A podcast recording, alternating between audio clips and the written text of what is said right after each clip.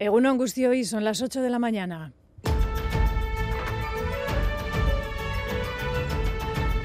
Crónica de Euskadi con Aichiber Bilbao.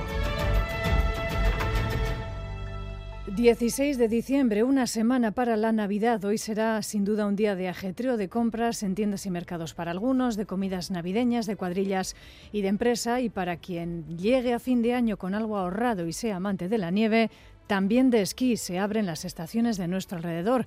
Esto nos contaban desde Larra Belagua y también Astún esperemos que esta nevada y que la semana que viene pues venga que va a venir un poco más y que nos dé pues, pues bueno para tener estas pistas preparadas para Navidad. Con la meteo que nos dan, que nos dan un sol espectacular y la nieve recién caída y que la gente tiene muchísimas ganas, pues yo creo que este fin de semana va a ser de llegazo absoluto.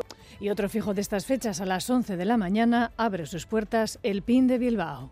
Y Yarak, eh, murristea edo gutxitzea alde batetik eh, handitu dugu edo erosi dugu edo ekarri doguz Eh, baraka gehiago eta atrakzio gehiago, eneko goi bat gehiago, eta bestetik jende gehien e, izaten dituen atrakzioetan egingo dugu hilaraz estima berri bat.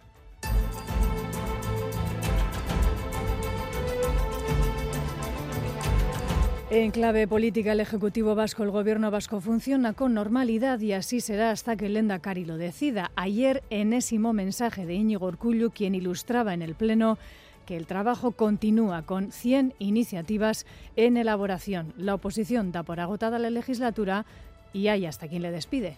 Quiero agradecerle su labor como lendakari al servicio de los vascos durante todos estos años. Le deseo de corazón lo mejor para su futuro personal o político. Señor Iturra, ¿ha disuelto el Parlamento o se ha despedido usted.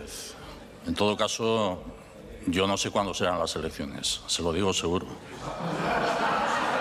Y en Navarra el ambiente sin duda no está tan distendido, ambiente político caldeado como pocos recuerdan. Hoy asamblea de afiliados de Unión del Pueblo Navarro para llamar a filas de cara a la concentración mañana frente al ayuntamiento que dejará de liderar, como saben, Cristina Ibarrola. Quienes ocuparán su lugar, Euskal Herria Bildu y Geroa Bay, empezaron ya a trabajar en el nuevo gobierno local. También habrá negociaciones con el resto de partidos, en este caso la izquierda, Surekin, que participarán también de ese nuevo consistorio en Navarra, pero con talante aglutinador y sin trincheras, decía Coldo Martínez. Escuchamos a la alcaldesa Ibarrola y a Coldo Martínez de Geroa Bay.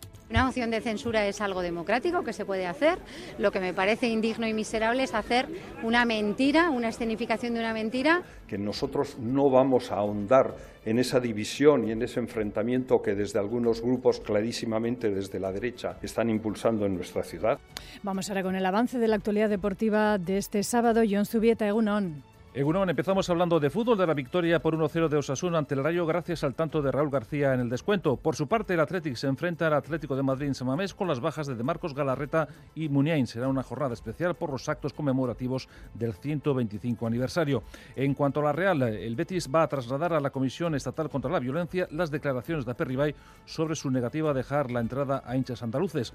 En cuanto al fútbol femenino, la Real se cita con el Atlético a domicilio y el Eibar recibe al Betis. En balonmano, la Copa España se disputa desde hoy en Irún con el Vidasoa midiéndose al Logroño en una de las semifinales. Y en baloncesto, el Bilbao Basket juega hoy ante el Gran Canaria. También tenemos pelota porque Altuna reaparece en Barcelona. Además, ayer Jaca en Mariz Currena ganaron a Artola Imaz por 22-5. Gracias, John. La previsión del tiempo nos la ofrece Nayara Barredo desde Euskalmet. Uno, Nayara. Eguno, buenos días. Hoy tendremos un tiempo tranquilo y estable, aunque por la mañana el cielo estará bastante nublado, con nubes bajas, sobre todo en puntos del oeste. Hacia el este el cielo estará más despejado y en algunas zonas del interior también tendremos nieblas. Toda esa nubosidad irá menos con el paso de las horas y aunque en algunos puntos le costará levantar, en general la tarde se presenta soleada. El viento no tendrá mucha fuerza y las temperaturas eh, máximas se moverán entre los 10 y los 14 grados. Al final del día el cielo quedará bastante y las temperaturas se desplomarán, de modo que se producirán heladas por la noche en puntos del interior, sobre todo en Álava y Navarra. En definitiva, las nubes irán yendo a menos a lo largo del día, pero las temperaturas no conseguirán subir mucho y de cara a la noche el frío será protagonista con temperaturas bajo cero en zonas del interior. Sin incidencias en la red viaria en este momento, sí les recordamos que esta pasada tarde-noche una mujer joven de 23 años perdió la vida en un nuevo accidente grave otra vez en Guipúzcoa, en este caso en el túnel de Azcárate. Otras dos personas resultaban también heridas en este siniestro. Reciban un saludo de la redacción de Crónica de Euskadi fin de semana, que en el control técnico coordinan Joseba Urruela e Iker Aranaz. Son las 8 y 5 minutos de la mañana. Comenzamos.